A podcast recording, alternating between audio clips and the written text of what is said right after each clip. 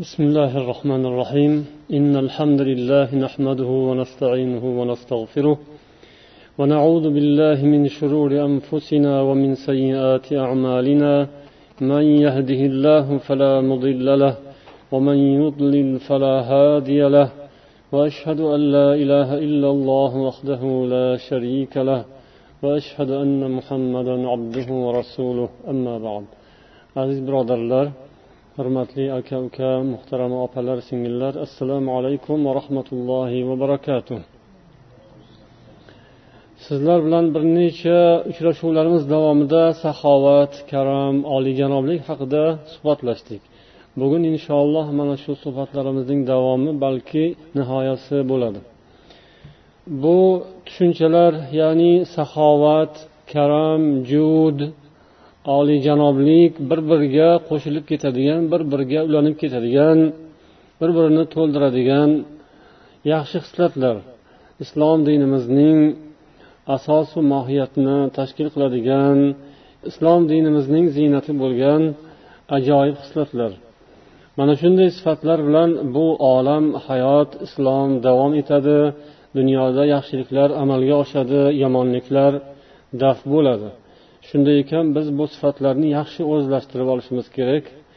Bugun sizlar bilan bu suhbat davomida saxovat izzatu ikrom bilan bog'liq narsa ekanligi alloh taoloning ism sifatlaridan biri zul jalal va ikrom ya'ni azamat ulug'lik buyuklik va izzatu ikrom sohibi degan sifati bor. Bu ham mana shu saxovat va judu karam xislatlarini ifodalaydi va bu bilan birga qo'shilib ketadi. Izzatu ikrom sohibi bo'lgan alloh taolo izzat va ikromni ulug'laydi yaxshi ko'radi va bandalaridan ham xuddi mana shunday narsani zohir bo'lishini istaydi. Anas ibn molik roziyallohu anhudan rivoyat qilingan hadisda aytiladiki kanatil ansoru yawmal khandaqi taqul نحن الذين بايعوا محمدا على الجهاد ما حيينا أبدا ya'ni ansoriylar handaq g'azoti kuni handaq qaziyotib mana buni nashid qilib hergoyi qilib aytardilar ya'ni biz muhammadga bayat qilgan insonlarmiz biz hayotimiz davomida u bilan birga bo'lib jihod qilishga va'da berib bayat qilgan insonlarmiz deb hirgoyi qiladilar فأجابهم النبي صلى الله عليه وسلم اللهم لا عيش إلا عيش الآخرة فأكرم الأنصار والمهاجرة dedilar ya'ni ularning haligi she'r qilib aytgan nashir qilib aytganlariga qofiyadosh qilib payg'ambarimiz bunday javob qildilar ey ollohim aysh ya'ni hayot yo'qdir faqat oxirat hayotidir ya'ni hayot bu oxirat hayotidir. Tiriklik u oxirat tirikligidir haqiqiysi. Ey allohim sen ansor va muhojirlarni izzatu ikrom qilgin dedilar. Savbon roziyallohu anhudan rivoyat qilinadi. Kana rasululloh sollallohu alayhi vasallam payg'ambar alayhissalom namoz o'qib bo'lganlaridan keyin uch marta istig'for aytar edilar. Keyin orqasidan allohimma antassalom va minkassalom tabarakta ya dal jalali val ikrom deb qo'yardilar. Ey ollohim sen salomdirsan. Sening isming sifating assalomdir. Salom tinchlik omonlik ham sendandir. Tabarakta ya dal jalali val ikrom.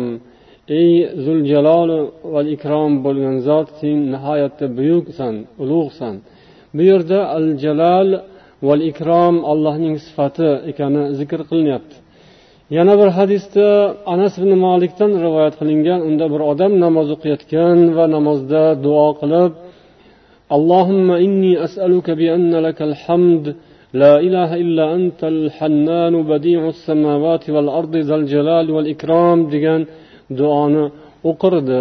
Keyin payg'ambar sollallohu alayhi vasallam bu qanday duoni o'qiyapti bilasizlarmi deb so'radilar. Olloh va uning rasuli biluvchiroqdir deb javob berishdi sahobiylar. Payg'ambar alayhissalom aytdilarki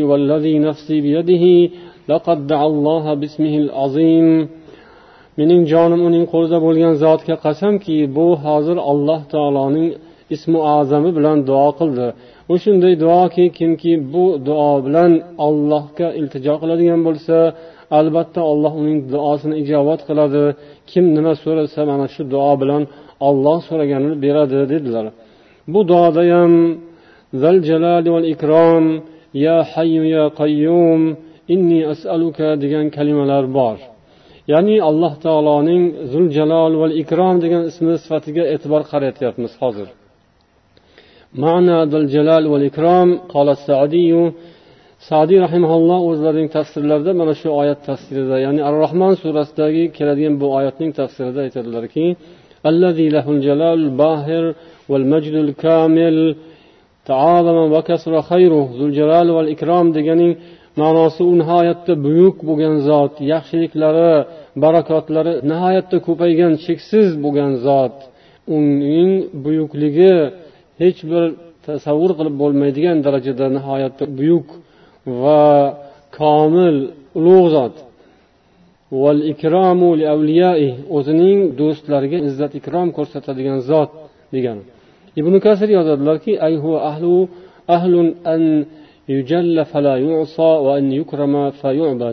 alloh taolo zul jalol val ikrom deyilgani u ulug'lanishga loyiq zot isyon qilishga emas. Va u ikrom qilinishga loyiq zot bas ibodat qilinishga loyiq zot dedilar.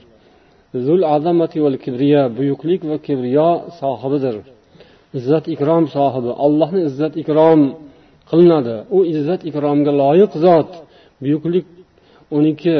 Va shuning evazida kim ollohni izzat ikrom qilsa u ham izzat ikrom bilan javob beradigan zot. Ya'ni avliyolarga do'stlariga ikrom ko'rsatadi. O'ziga izzat ikrom ko'rsatgan bandalarga allohga ya'ni chiroyli ibodat qilganlarga alloh xuddi shunday ularni ibodatlariga va harakatlariga fe'llariga yarasha izzat ikrom bilan javob qaytaradigan zot. Yana hadisda keladiki kimki bu dunyoda agar bir gunoh qilsa o'shanga jazolansa alloh uni oxiratda yana qayta jazolashdan ko'ra odilroqdir jazolamaydi ikki marta. Kimki agar bu dunyoda bir gunoh qilgan bo'lsa uni olloh yashirgan bo'lsa va bekitgan bo'lsa alloh taolo akramu min an ya'uda fi shay'in qad afa'anhu. bir marta kechirgan narsasiga yana qaytib murojaat qilishdan akram ya'ni olijanob ulug'roq buyukroq zotdir. Ya'ni izzat ikromi shu darajadaki olloh yashirgan narsasini qaytib ochmaydi. Kechirganini yana qaytib o'rtaga solmaydi. Shunday olijanob zot. Karam biz o'qidik o'tdik.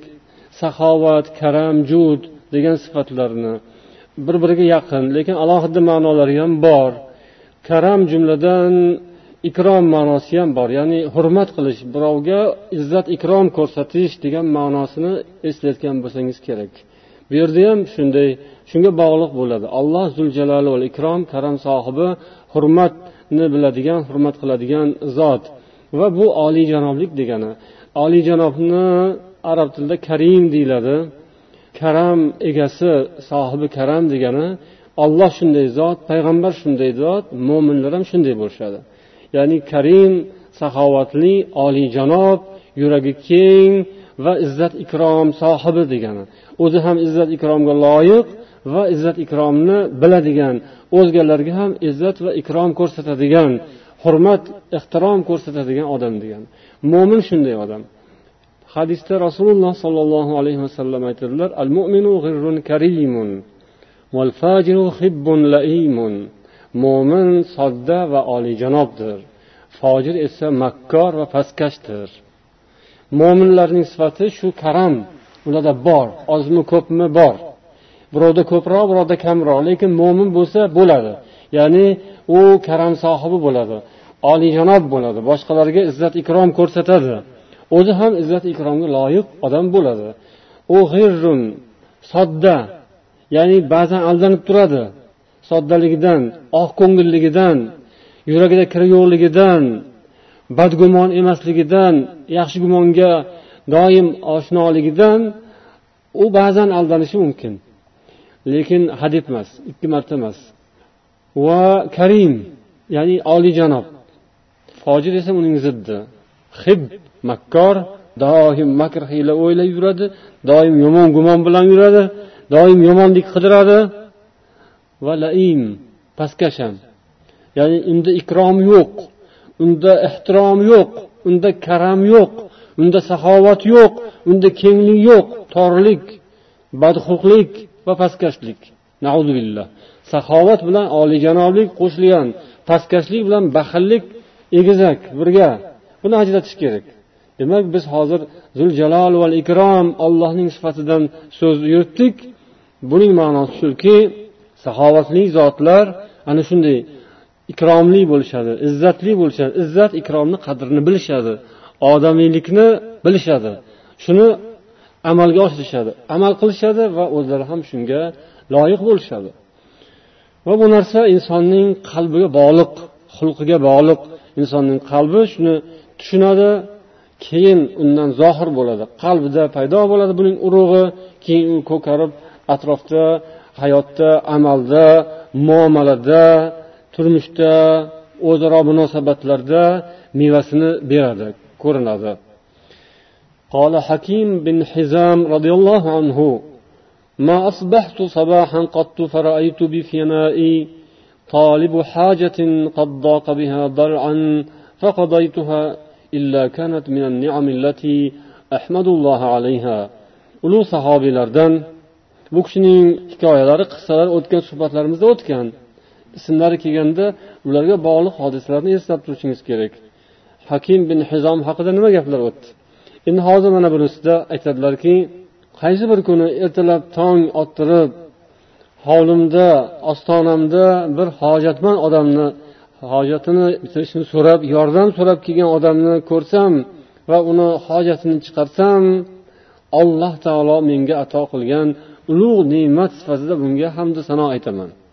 Qachon agar ertalab turib bir hojatmandni eshigimda ko'rib shuni hojatini bitirsam o'sha kuni o'sha ne'mat buyuk ne'mat olloh menga ato qilgan ne'matlarning biri sifatida hamd aytaman لم أر بفنائي لم أر بفنائي طالب حاجة biror bir kun agar ertalab turib eshigim tagida lam ara bifinai agar biror bir hojatmand odamni ko'rmasam إلا كان ذلك من المصائب التي أسأل الله عز وجل الأجر عليها bu alloh taolo menga yuborgan musibatlardan biri deb bilaman. Va buning uchun ollohdan ajr so'rayman. Ya'ni musibatga ajr beradiku olloh ya'ni manga biror kun agar biror bir hojatmand odam yo'liqmasayu uni hojatini bitirmasam bu men uchun musibatdir. Va bu musibatim uchun ollohdan ajr so'rayman. Ya'ni qiynaladiku odam musibatda ya'ni ajr beradiku. Bekorga ajr bermaydi musibatga sabr qiladi qiynaladi.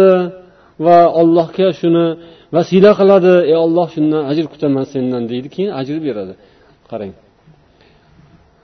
bu inson qalbiga bog'liq narsa qalbdan keladigan narsa قال أبو سليمان الداراني جلساء الرحمن يوم القيامة من جعل في قلبه خصالا bu kishi aytadilarki qiyomat kunida rahmonning hamnishinlari ya'ni ham suhbatlari birga o'tiradigan u bilan suhbat quradiganni julasa deyiladi. Mana hozir siz biz jo'lasamiz ya'ni hamsuhbatmiz hamnishinmiz birga o'tirib suhbat quramiz. Qiyomat kuni olloh bilan birga suhbat quradiganlar bo'ladi. Subhanalloh mashaalloh qanaqa insonlar ular? Ular shundayki qalblariga alloh taolo bir necha xislatlarni jo qilib qo'ygan bo'ladi. Al karam va saho val hilm والرأفة والشكر والبر والصبر. عدة الصابرين دين sabr uddatu sobirin kitobdan iqtibos ekan. Ya'ni qiyomat kuni olloh bilan suhbatda bo'ladiganlarning qalbiga olloh oldindan shunaqa hislatlarni joqib qo'ygan bo'ladi. U hislatlar karam. Karam nima ekanligini o'tdik. Va saho. Sahoni ham o'tdik. Ularni xulqida bo'ladi. Tabiatida qalbida bo'ladi. Hilm. Buni ham o'tganmiz muloyimlik rafat mehribonlik shafqat shukur yaxshilikni bilish ne'matni qadriga yetish shukur qilish bir yaxshilik qilish sabr. Hamma biladi. Shu narsalarni insonlar mo'minlar qalbiga olloh yaxshi ko'rgan mo'minlarga hadya qiladi. Jolab qo'yadi va o'shani deb keyin tortadi o'ziga. O'sha bu olloh taolo tomoniga tortadigan narsalar bular. insonlarni kerak joyga tortadigan quvvat shu xuddi temirni tortadigan narsalar bo'ladiyu quvvat joziba kuchi bo'ladi tortish kuchi bo'ladi alloh taolo tomoniga tortadigan kuch mana shular bular inson qalbidan jo olsa ajoyib bir xislat ekan saxovat inson qalbida bo'lsin deymiz movardiy yozadilarki اعلم أن الكريم يجتزى بالكرامة واللطف bilgilki karim odam karomat hurmat izzat va lutf marhamat bilan yaxshilik bilan mukofotlaydi uning mukofotini mana shunday yo'l bilan olinadi. Laim pastkash odamning mukofoti esa bu xorlik bilan va qo'pollik bilan olinadi. Ya'ni undan bir narsa chiqadigan bo'lsa mana shunaqa bo'lib chiqadi. Oliyjanob odamdan bo'lsa hurmat ehtirom bilan chiqadi. Lutf bilan marhamat bilan yaxshilik bilan chiqadi. Bu nima degani? Ya'ni pastkash odam qo'rqib saxovat qiladi. Jud saxovat karam bor bu ham lekin u qo'rqqanidan bo'ladi. Javobda faqat qo'pollik bilan javob beradi. كما قال الشاعر رأيتك مثل الجوز يمنع لبه seni xuddi yong'oqqa o'xshataman ya'ni bir shoir o'sha haligi pastkash odamni ta'riflayapti seni xuddi bir yong'oqqa o'xshataman u qachon sindirilganda keyin yaxshiligini beradi ungacha bermaydi qattiq turib oladi hamma yog'ini bekitib oladi hech narsasi yo'q. Qoq quruq taraq turuq. Ursangiz taraqlaydi undan bir narsa yo'q. Uni miyasiga mushlab bolg'a bilan chaqsangiz ichidan yog'i chiqadi. Ichidan mag'zi chiqadi. Haligi pastkash astag'firulloh billah baxil odamni shunday deb ta'riflagan ekan. San shunaqasan yong'oqqa o'xshaysan faqat urib sindirsa keyin yaxshiligi chiqadi.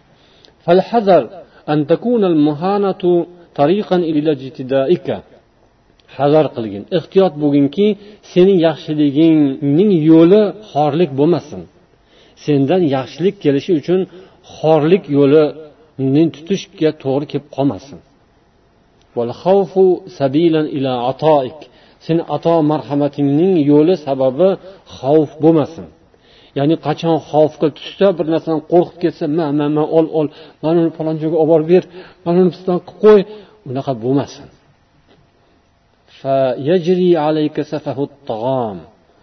Senga pastkash nodon odamlarning ahmoqligiga yo'l ochilib qolmasin. Pastkashlarning seni tahqirlashlariga sabab paydo qilib qo'ymagin. Sening juding ya'ni saxovating marhamating bu karam oliyjanoblik bilan bo'lsin. rag'bat bilan bo'lsin xursand bo'lib o'zing ichingdan shuni xohlab savob umid qilib xursand bo'lib bergin pastligu xorligu qo'rquv bilan bo'lmasin deb yozgan ekanlar imom al mavardiy rahimaulloh adabu dunyo va din kitoblarida قال ابن تيمية رحمه الله تعالى إن الجميع يتمادحون بالشجاعة val karam. Barcha odamlar qadim qadimdan deydilar ibn taymiya shijoat va karam bilan maqtanib kelishadi. Odamzodga bu maqtov ya'ni maqtanmoqchi bo'lganlar mana shunaqa maqtanadi. Shijoat bilan qo'rqmaslik bilan va karam bilan oliyjanoblik bilan. Hatto hatto shoirlar o'zlarining she'rlarida bir kimnidir nimanidir maqtamoqchi bo'lishsa mana shuni ikkita sifat bilan maqtashadi ya'ni buni qo'li ochiq saxovatli va qo'rqmas bahodir polvon pahlavon qilib shunday qilib ta'riflashadi buning ma'nosi nima yana buning aksida birovni qoralamoqchi bo'lishsa qo'rqoq baxil deb qoralashadi ثم قال ولما كان صلاح بني آدم لا يكون في دينهم ودنياهم إلا بالشجاعة والكرم inson bolasining dini ham dunyosining ham islohi yaxshiligi mana shu ikkita sifat bilan shijoat va karam bilan bo'ladi.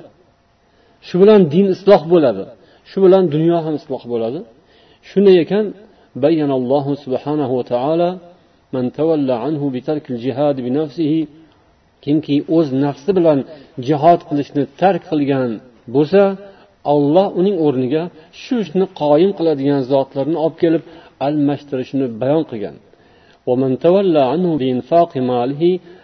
kimki molini infoq qilishdan bosh tortadi degan uzoq bo'ladigan odam bo'lsa bu ishni qiladigandan olloh olib keladi dunyoga xuddi shuni aytib olloh muhammad surasida xabar bergan ha antum هؤلاء تدعون لتنفقوا في سبيل الله فمنكم من يبخل ey sizlar olloh yo'lida infoq qilishga chaqirilgan paytingizda ichingizdan baxillik qiladiganlar bor.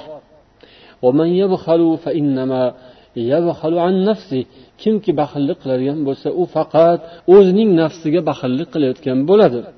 Vallohu g'aniy olloh esa g'aniy boydir. Va antumul fuqaro. Sizlar esa faqirlarsizlar.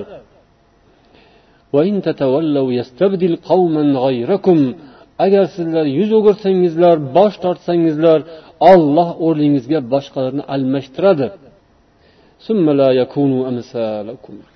keyin esa sizlarga o'xshashlaringiz bo'lmaydi. Bu oyatda yana davom etadilarki buning sharhida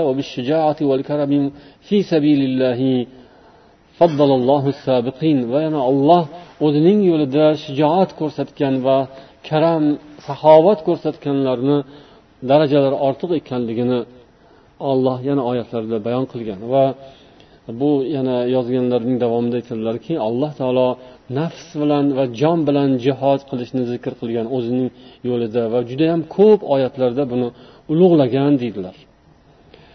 Ibn hajar yozadilarki la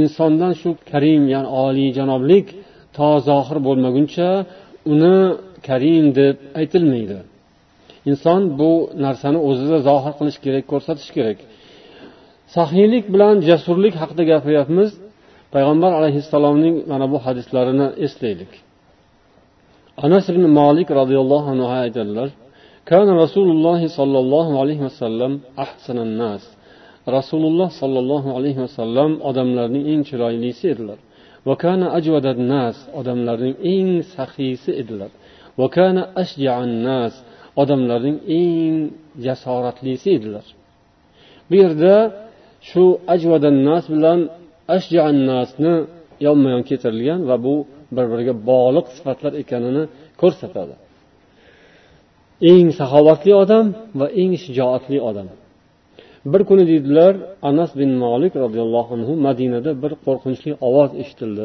bir tomon. Shunda o'sha tomonga qarab erkaklar shoshilishdi. Borishsa u yoqdan rasululloh sollallohu alayhi vasallam otliq qaytib kelayotgan ekanlar. Yalang'och qilich bilan otliq kelayotgan ekanlar lam turau lam turau dedilar. Ya'ni qo'rqmanglar tinchlik tinchlik deb keldilar. Bunga o'xshagan misollarni ko'p keltiriladi. Ya'ni bu yerda rasulullohning qo'rqmasliklari jasurliklari va shu bilan birga saxovatlilar. Ikkalasi bir biriga bog'liq sifat. Nima degani? Qanaqa qilib bog'lansa bo'ladi? Qo'rqmaslik bilan saxovatni qanday bog'liqlik jihati bor deyilsa shundan bog'liqligi shuki saxiy odam molidan voz kechishda rozi bo'ladi. Ya'ni qo'rqmaydi. Jasorat ham shunday. Inson hayotini xavf ostiga qo'yadi halovatini ketkazadi tinchligini yo'qotadi oromini yo'qotadi. Bu nafs jondan bir qismini voz kechish bo'ladi. Inson hayoti jon nafs deganimizda uning shu jihatlari qirralari ko'p. Ya'ni sog'liq ham shu hayotning jonning bir bo'lagida. Insonni e, kasal bo'lsa joni og'ridi deyiladi. Kasal bo'lsa o'sha joni ko'zga ko'rinib ketadi. Jonim ko'zga ko'rinib ketdi deydiyu kasal bir joyi og'rib ketsa tinchligi buzilish oromi buzilish bu hayot bu jon bu nafs. Pul mol dunyo bu bir tomon bu tinchlik omonlik nafs jon bir tomon. Saxovat bunda ham kerak bunda ham kerak. Har ikkisida ham bitta bog'laydigan nuqta nima ekan? Jasurlik. Jasorat kerak. Ya'ni bunisini sarf qiladi ba'zan o'sha o'zini nafsini jonini tinchligini hayotini xavf ostiga qo'yishda inson qo'rqmas bo'lsa keyin u jasur bo'ladi.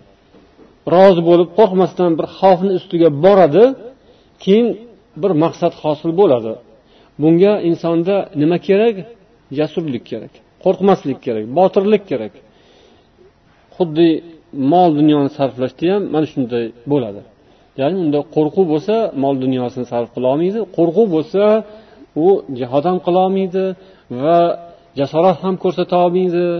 Gapirish kerak bo'lgan gapni gapira olmaydi qilish kerak bo'lgan ishni qilolmay qoladi. Ikkalasi shu jihatdan bir biriga bog'liq. Shuning uchun haqiqiy saxovatli odamlar o'zini saxiy qilib ko'rsatadigan yolg'onchilar emas. Ya'ni odamlarni ko'ziga saxovatli qilib ko'rinishni biladigan o'rni kelganda baxil bo'lib turib oladigan ular haqida ketmayapti gap. Haqiqiy saxiy odamlar haqida ketyaptiki ularning xislatlarida qo'rqmaslik ham bo'ladi. Demak shuni siz hayotingizda kuzatib ko'rishingiz mumkin. Qayerda qo'rqmas bahodirlik ko'rsangiz o'sha yerda saxovat ham bo'ladi. Qayerda saxovatni ko'rayotgan bo'lsangiz buni haqiqiymi yoki haqiqiy emasligi xavf xatarli kunlarda bilinadi. Xavf xatarli qo'rqinchli kunlar kelganda o'sha saxovatli odamlar moli bilan saxovat qilgan odamlar joni bilan saxovat qilishga ham tayyor turadi. Bu bilan ikkalasi demak bir biriga bog'liq narsa ekanligi ko'rinadi. Saxovat deganimiz endi bu faqat mol tarqatish emasligini ham shu yerda aniq ko'ramiz. Odatda o'zi saxiy deganda mol dunyo keladi inson ko'ziga. Qo'li ochiq dasturxoni yoziq eshigi ochiq mehmonnavoz va hokazo deyilganda albatta mablag' moli dunyo moddiy boylikka bog'lanadi. Bu narsa tushunarli birlamchi narsa. Ya'ni darhol ko'zga tashlanadigan birinchi o'rinda inson tushunsa bo'ladigan narsa. Bu to'g'ri noto'g'ri emas. Lekin buning mag'zi bor. Mag'zida nima yotadi? Mag'zida yotadigan narsa u insonning shu qalbidan yuragidan saxiy ekanligi. Qalbidan yuragidan saxiylik esa faqat pul bilan moli dunyo bilan cheklanmaydi. Faqat pulni o'zini tarqatish mol tarqatish bilangina bu haqiqiy saxovat yoki karam o'rniga tushmaydi. Balki shu jihati ham bor. Yana hajmi ham bu yerda uncha e'tiborli emas. Ma'lum o'rinda e'tiborli lekin aslini olganda mol dunyoni ehson qilinayotgan narsani kattaligi yoki kichkinaligi emas balki uning o'rni va vaqti va ma'nosiga bog'liq. Inson shunday bo'ladiki saxovat o'rnini anglaydi tez anglaydi biladi. Ozgina narsa bo'lsa ham o'z o'rnida saxiylik kerak o'z o'rnida o'sha ishni qilish berish yo borib shuni bajarish bu insonni qalbiga uning basiratiga ya'ni zakovatiga aqliga farosatiga bog'liq qalbiga bog'liq ya'ni. Insonni fahmi farosati chiroyli bo'lsa ozgina ish ozgina saxovat ozgina bir ehson qiladigan joy kelib turadi o'shani bilganlar qiladi bilmaganlar man undan kattarog'ini qilganman yoki qilaman. Ichida o'zigini o'zi shunaqa deydi yoki al deydi bu uning haqiqatdan ham saxiy emasligini ham ko'rsatib qo'yadi. Ya'ni inson o'z nafsiga yoqadiganini qiladi nafsiga yoqmaydiganini qilmaydi. Bu bilan uni nafsi uni aldayotgan bo'lishi mumkin o'zi ham aldanib ham qolishi mumkin. Yana bir jihati inson o'zini kuchini g'ayratini vaqtini sarflash. Ba'zan shunday bo'ladiki pul moli dunyoni o'rniga ozgina hissa qo'shib yuborishga to'g'ri keladi qo'l bilan. Bir joyga borib ishtirok qilish kerak bir joyda bir o'tirish kerak bor ozgina. Yoki bir turish kerak ozgina bir ko'rinish kerak. Vaqtini sarflash kerak shuning uchun. Shunga baxillik qiladi kimdir. U katta katta ehson qilishi mumkin. U judayam saxovatni ko'rsatib yoki ko'rsatmay katta katta ehsonni qilib qo'yishi ham mumkindi lekin ozgina vaqtni sarflashga kelganda qilmasligi mumkin. Bu haqiqiy saxiy emas shu odam.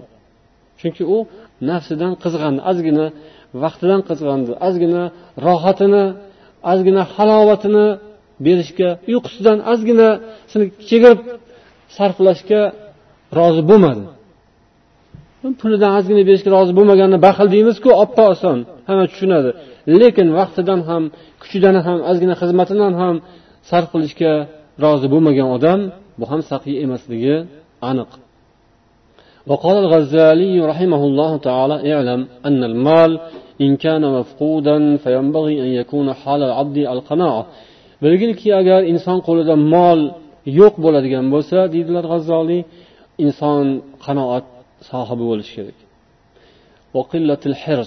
Hirsni kamaytirish kerak. Hirs degani shu ochko'zlik molga ko'z tikish qayerdan kelarkin qanaqa qilsa bo'larkin deb shu bilan boshini og'ritib xayoli faqat shunda bo'lib qolish bu hirs. Bundan tiyilish kerak. Mol yo'q bo'lgan paytda mana shu hislar ko'proq kerak bo'ladi.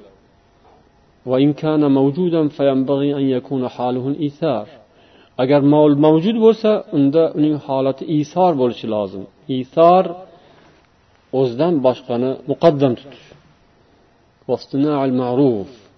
yaxshilik qilish ko'proq bor paytda shuh xasislik va baxillikdan uzoq bo'lishga harakat qilish kerak bor bo'lgan paytda ya'ni pulingiz mol dunyoyingiz bor mahalda vaqtingiz sog'lig'ingiz imkoniyatingiz bor paytda baxillikdan xasislikdan o'zingizni tiyishga harakat qilishingiz kerak endi saxovat haqida ba'zi bir hikoyatlar qisqa qisqa hikoyatlarga murojaat qilamiz قال حميد بن هلال رحمه الله تعالى تفاخر رجلان من قريش bu kishi aytadilarki humayd ibn hilol ikkita odam qurayshiylardan bir birlari bilan bahslashib qolishdi. Biri banu hoshimdan biri banu umayyadan. Banu hoshim urug'idan va banu umayya urug'idan bo'lgan ikkita inson.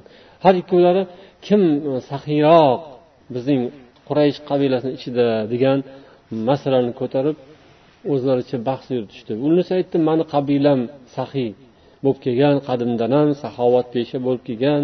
Bunisi yo'q. Mani ham qabilam qolishmaydi. Uni ham undoq bundoqlari bor. A ho'p bo'lgan bo'lsa bo'lgandir. Qani bo'lmasam bir sinab ko'raylik. Ho'p qani kel bir sinashib ko'ramiz. Qani kimning qabilasi saxiy bo'larkan bo'lmasam har ikkimiz o'nta xonadonga boramiz. O'zimizning qabilamizdan o'nta odamga uchraymiz yordam so'raymiz. Deb kelishdi. Ho'p deb ular u tomon bunisi bu tomonga o'zini qabilasiga qarab ketishdi. Borib har birlari o'ntadan odamdan yordam so'rashdi.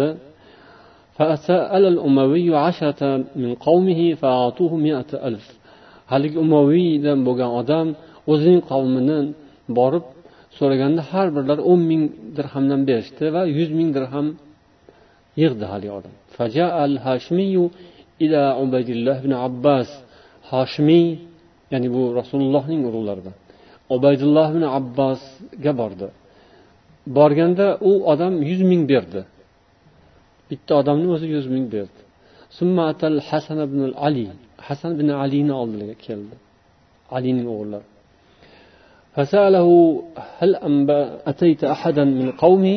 bizni qavmimizdan bironta odamdan borib so'radingmi? Mandan oldin. Ha so'radim. Ubaydulloh ibn abbosdan so'radim. Yuz ming berdi deb aytdi. Keyin hasan bin ali bir yuz o'ttiz ming dirham berdilar. Husayn bin ali. Keyin ukalarini oldiga bordilar. Husayn bin alini oldiga borib u kishidan yordam so'radi. Shunaqa bir yordam kerak bo'lib qoldi. Yig'yapman dedi. Keyin u kishi so'radilarki mani oldimga kelishdan oldin boshqa odamga ham bordingmi?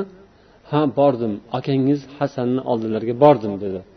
Keyin u kishi yuz o'ttiz ming berdilar deb aytdi. Keyin u kishi aytdilarki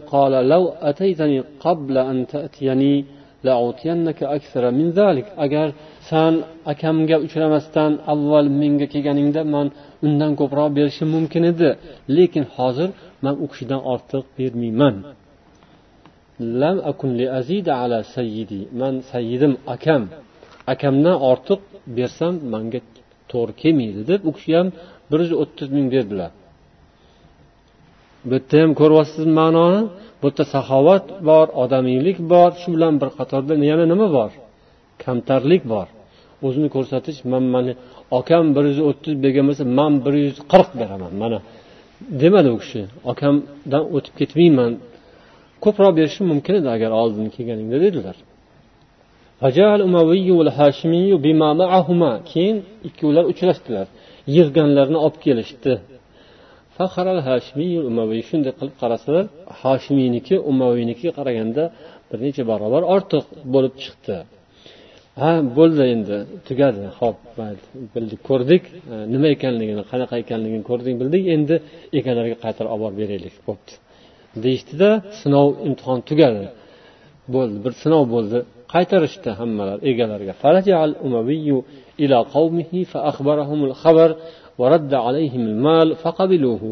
umaviy o'zining qavmiga borib shunaqa shunaqa bo'ldi biz yordam kerak bo'lib qolganidan emas shuni bir imtihon qilib sinab ko'rmoqchi bo'luvdik sizlarni sinov bo'ldi tugadi manaqa manaqa bo'ldi mana endi olinglar deb qaytib berishdi. Ular hammalari olishdi qaytarib olishdi. Hoshimiy ham o'zining qavmlariga borib uchragan odamlarga borib aytdi. Shunaqa shunaqa bo'ldi. Biz bir tortishib qoldik sinadik bo'ldi tugadi. Mana olinglar pulinglar kerak emas dedi. Molni ularga qaytardi. Olishmadi ular. Olishmadi. Biz bir marta bergan molimizni biz qaytarib olmaymiz. Bizga bu yarashmaydi to'g'ri kelmaydi deb ular rad etishdi. Makarimul axloq ibn abi dunyo ibn abi dunyoning makarimul axloq kitoblaridan. Muhammad ibn abbad rivoyat qiladilar. Dahala abi alal ma'mun dirham. Otam ma'mun oldiga kirdilar. Ma'munning qabuliga. Ma'mun kim? Abbosiylar xalifalaridan u odam yuz ming dirham hadya qildi podshoh.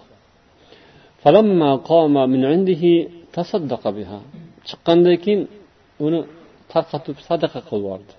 Muhammad ibn abbadning otasi. Bu gap ma'munning qulog'iga yetdi. Sizni bergan hadiyangizni olib chiqib kambag'allarga berib yubordi. Keyin yana uchrashganda xalifa tanbeh berdi dakki berdi.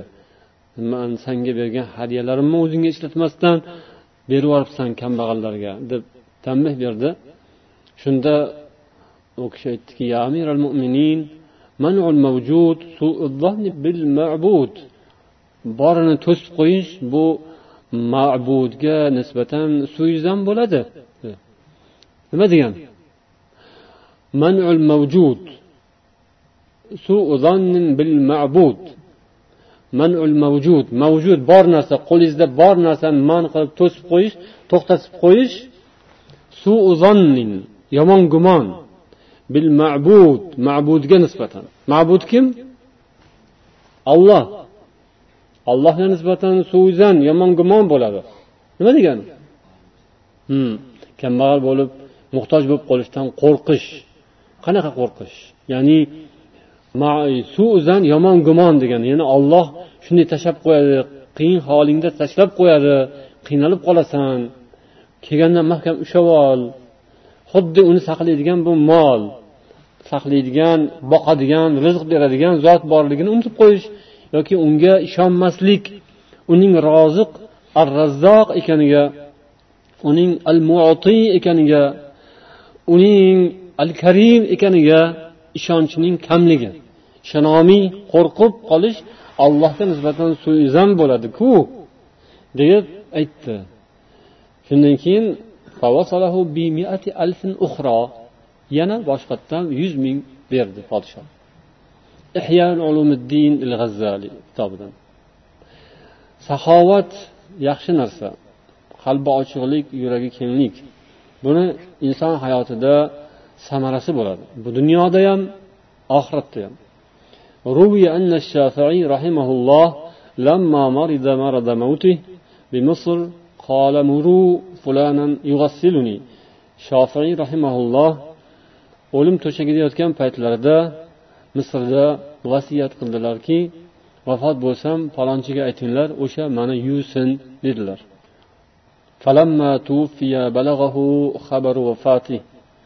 vafot bo'lganlaridan keyin haligi odamga bu xabar yetib bordi. Imom shofiiy vafot bo'ldilar deb. U odam yetib keldi hozir bo'ldi.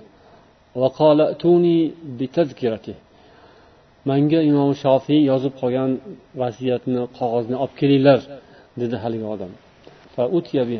Olib kelishdi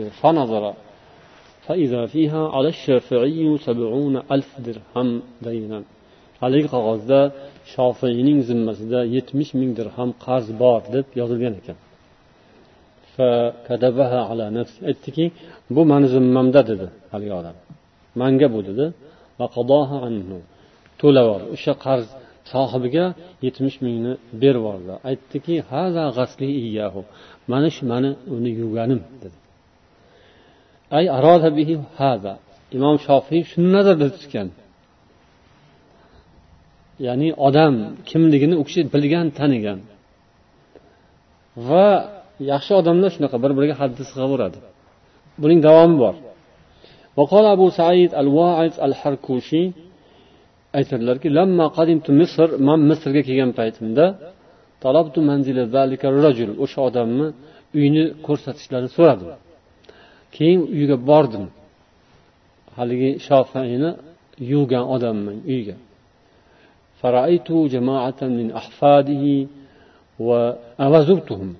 keyin uni farzandlari nevaralaridan bir jamoani ko'rib ularni ziyorat qildim ya'ni o'shalar bilan uchrashdim u odam vafot etib ketgandan keyin demak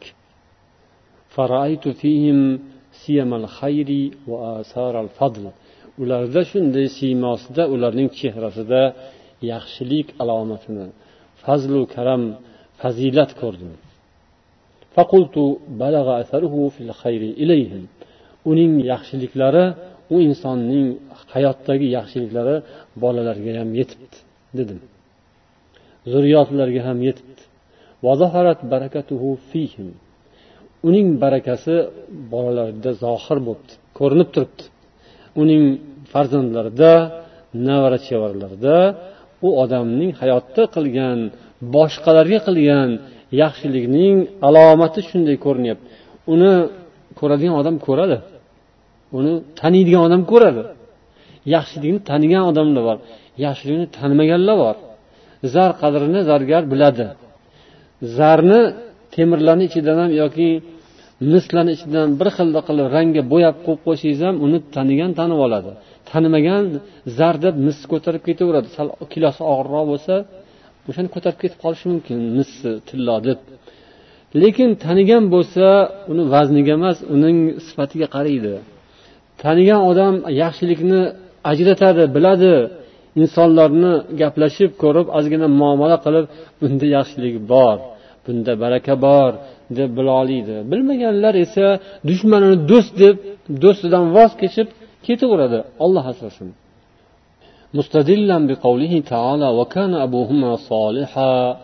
Haligi inson ollohning mana bu oyatidan xulosa qilgan ekanlar. Ya'ni vakana abuhuma soliha.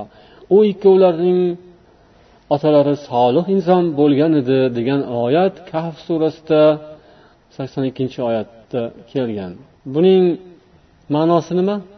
Esladinglarmi kahf surasida bu ikki yetimning otalari solih inson bo'lgan edi degan oyat keladi. Kim edi ular? Hizr va muso alayhissalomning voqealarida kelgan e, bir ikkita yetim bolaning misoli bor. Ya'ni hizr alayhissalom bir shaharga kelishganda muso alayhissalom bilan ular mehmon qilishdan bosh tortishgan narsa ham olisholmagan shahardan chiqib ketishayotgan mahalda keyin bir yiqilib ketadigan devorni shuni tuzatib qo'yaylik deb hizr alayhissalom devorni urib qo'yganlar. Muso alayhissalom nima qilyapsiz? Shunga xizmat haqi olishimiz kerak. Bular bizni mehmon qilmadi endi bularni pulini olishimiz kerak deganda bo'ldi endi shu yerda xayrlashamiz deganlar. Ya'ni u devor ikkita yetim bolaning merosi ko'milgan joy xazinaning ustidagi devor alomat edi. Tagida ikkita xumda oltin bor edi. O'sha ikkita yetim bolaniki edi shu devor yiqilib ketsa u o'sha alomati yo'qolib ketardi shu alomati tursin uchun qo'yib qo'yilgan edi va buning asl sababi uning otasi yaxshi odam edi. U ikki uning otasi solih inson bo'lgan edi. O'sha otaning solihligi yaxshi odamligi bolalarga barakasi yetadi degani bo'ladi. Shundan ijtihod qilib u kishi haligi so'zni aytgan ekanlar endi shoirlarning she'ridan saxovat haqida ba'zi bir misralarni keltiramiz وآمرة بالبخل قلت لها أقصري فليس إلى ما تأمرين سبيل أرى الناس خلان الجواد ولا أرى بخيلا له في العالمين خليل أبو محمد إسحاق الموصلينين sherlardan ekan. Nafsim meni baxillikka buyuradi. Men unga esa jim bo'l deyman. Sen meni chaqirayotgan nuqtaga yerga biron bir yo'l yo'q men uchun. Ya'ni baxillikka manga yo'l yo'q deydi. Man odamlarni sahiylarning do'stlari deb bilaman. Va biror bir joyda baxilning dunyoda birorta bir do'sti borligini bilmayman.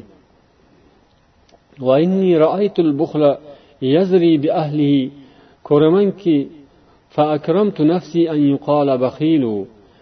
baxillik o'zining egasini doimo xorlaganini ko'raman men o'zimning nafsimni baxil deb nomlanib qolishidan azizroq deb bilaman mani nafsim o'zim aziz bo'lsam demak baxil degan nom olib qolish bilan tahqirlanib qolishdan uzoq bo'laman ya'ni nafsimni aziz tutaman ومن خير حالات الفتى لو علمته إذا نال شيئا أن يكون نبيل yigitning eng yaxshi holati shunday bo'ladiki unga ollohning bir marhamati yetganda oliyjanob qo'li ochiq bo'ladi أعطاني عطاء المكسرين تكرما وما لي كما قد تعلمين قليل mening atoyim berishim xuddi moli dunyosi ko'p odamlarning berishi kabidir holbuki molim esa sen bilganingdek judayam kamdir o'zi kamu lekin berishimcha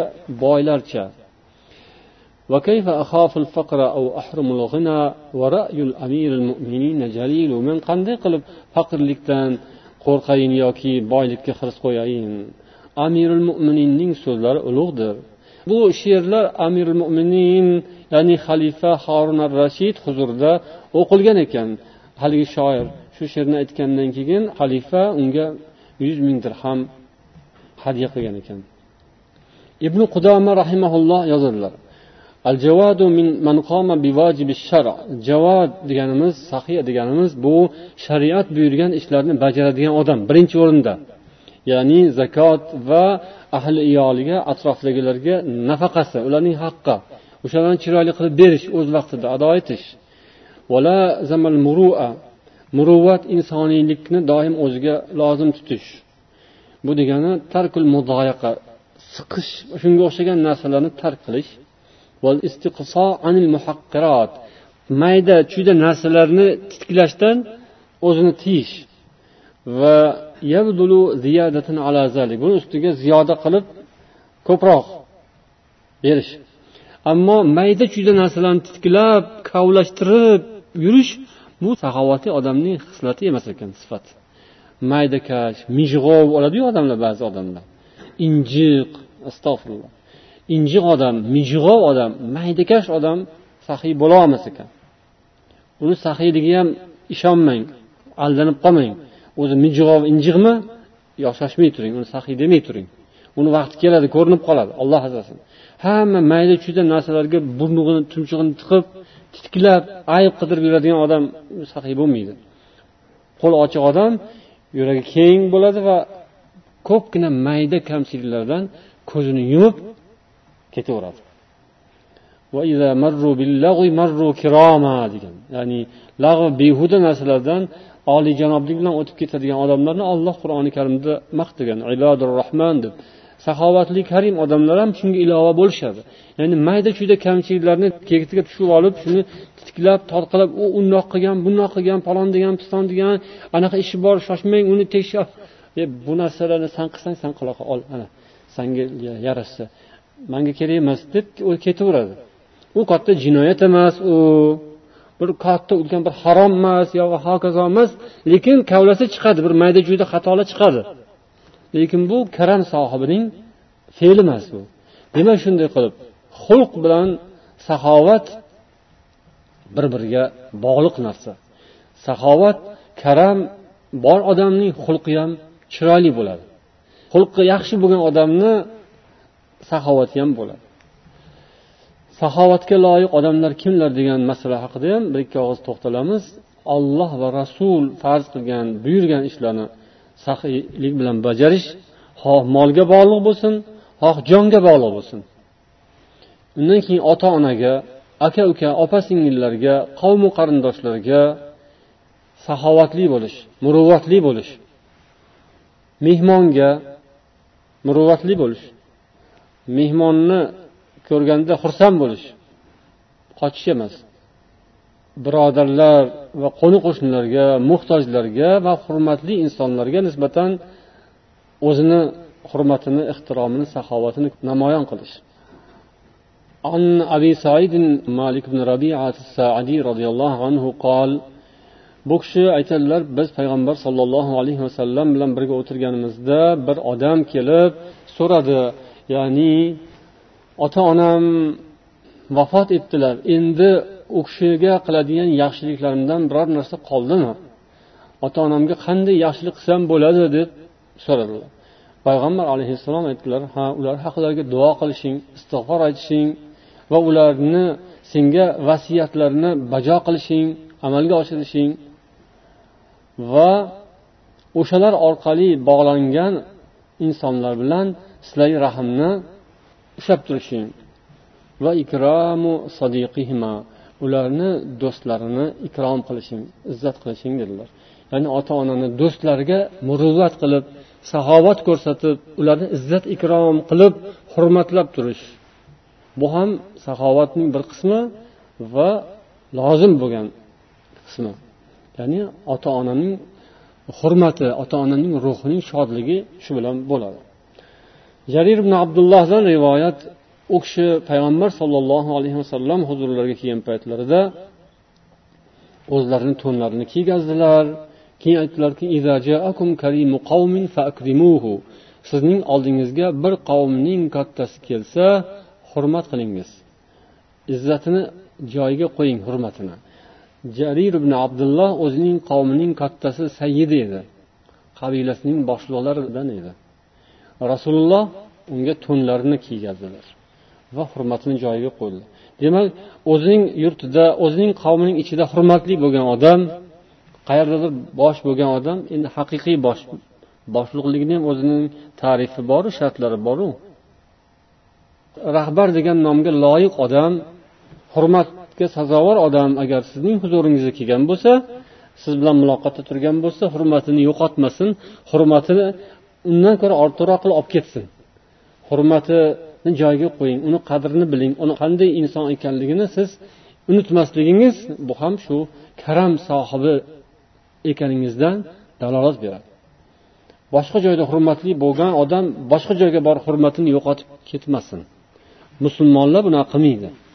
Musulmonlar u kofirmi musulmonmi hurmatli odammi hurmatini joyiga qo'yib o'ziga qadriga yarasha odamni maqomiga yarasha muomala qilishadi قال رسول الله صلى الله عليه وسلم من أكرم سلطان الله تبارك وتعالى في الدنيا أكرمه الله يوم القيامة yana bir hadis payg'ambar sollallohu alayhi vasallam kimki ollohning sultonini bu dunyoda izzat ikrom qilsa olloh uni qiyomat kuni ikrom qiladi dedilar imom ahmad termiziy rivoyatlari ya'ni yer yuzida sulton hukmron odam davlat boshlig'i yoki hokim va hokazo. Endi shu hurmatga loyiq aslida. Podshoh hokimu vaziru va hokazo bu xalqning rahbari xalqning qaymog'i bo'ladi o'zi. Daraxtning mevasi guli. Daraxt yaxshi bo'lsa uning mevasi ham yaxshi bo'ladi. Ya'ni shu yaxshilar haqida gapiryapmizda shunga loyiqlari. Har holda endi hammasini ham darajasi o'ziga yarasha bor. shunday maqomga erishgan odamning hurmati bor uni ham izzatu ikromini qilish bu insonlarning saxovati karami oliyjanobligini bildiradi mehmonlar ham xuddi shunday kimki ومن كان يؤمن بالله واليوم الآخر فليكرم ضيفه جائزته kimki allohga va oxirat kuniga iymon keltirgan bo'lsa mehmonni ikrom qilsin mehmonni haqqini ado qilsin Yana boshqa hadislarda qo'shni haqida ham xuddi shunday deganlar. Kimki allohga va oxirat kuniga iymon keltirgan bo'lsa qo'shnisini ikrom qilsin qo'shnisini izzat qilsin. Mehmon goh gohida keladi qo'shni doimo yoningizda. Shuning uchun qo'shnini haqqi va uning hurmati uning izzati ikromi doimo zehnimizda diqqat markazimizda bo'lishi kerak. qo'shni ulug' narsa qo'shni ham g'animat va judayam ulug' ne'mat uzoqdagi qarindoshdan yaqindagi yot yaxshi deydi chunki sizning doim yoningizdada kor keladi sizga yaxshi kuningizda ham boshqasida ham doimo yoningizda turadi yaxshi fazilat yaxshi ne'mat uni qadriga yetib uni ham hurmatlab turish kerak قال عبد الله بن الحارث من لم يكرم ضيفه فليس من محمد صلى الله عليه وسلم ولا من ابراهيم عليه السلام kimki mehmonini izzat ikrom qilmasa u muhammaddan emas sollallohu alayhi vasallam. Va u ibrohim alayhissalomdan ham emas. Ya'ni ularga aloqasi yo'q bu odam. Mehmonni hurmat qilmaydigan mehmondan qochadigan odam muhammad alayhissalomga ummatligiga yarashmaydi. Ibrohim alayhissalomga izdoshligi yoki u kishiga ergashganligi rost emas nima uchun ibrohim alayhissalom zikr qilindi chunki u zot mehmondo'st edilar va doim birov bir sherik bilan ovqatlanishni yaxshi ko'rardilar va mehmondo'st edilar saxovatli inson edilar قال الشيخ محمد بن محمد الغزي رحمه الله تعالى من آداب العشرة إيثار الإخوان بالكرامة birga istiqomat qilish odoblaridan biri shuki birodarlarga hurmat bilan munosabatda bo'lish o'zidan ko'ra ularni muqaddamroq tutish قال أبو عثمان من عاشر الناس ولم يكرمهم وتكبر عليهم فذلك لقلة رأيه وعقله kimki odamlar bilan birga yashasayu lekin ularni hurmat qilmasa ulardan o'zini ustunroq deb bilsa bu uning fikrining kamligi aqlining kamligidandir aqli kam odam bu aytilgan narsalarga e'tibor bermaydi. Va yana bu odam do'stiga dushmanlik qiladi dushmanini izzat ikrom qiladi. Shu birovni haqqini bilmagan odam yoki yuqorida aytilganlarga xilof bo'lgan odam do'stini dushman deb bilib dushmanini do'st deb yurgan bo'ladi. alloh yo'lidagi birodarlar uning do'stlaridir nafsi esa uning dushmanidir alloh taolo barchamizga do'stlarimizni tanishimizni do'stlarga birodarlarga izzatu ikromni chiroyli qilishimizni va saxovat karomdek ulug' xislatlarga doimiy ravishda ega bo'lib yurishimizni nasib etsin سبحانك اللهم وبحمدك أشهد أن لا إله إلا أنت أستغفرك وأتوب إليك السلام عليكم ورحمة الله وبركاته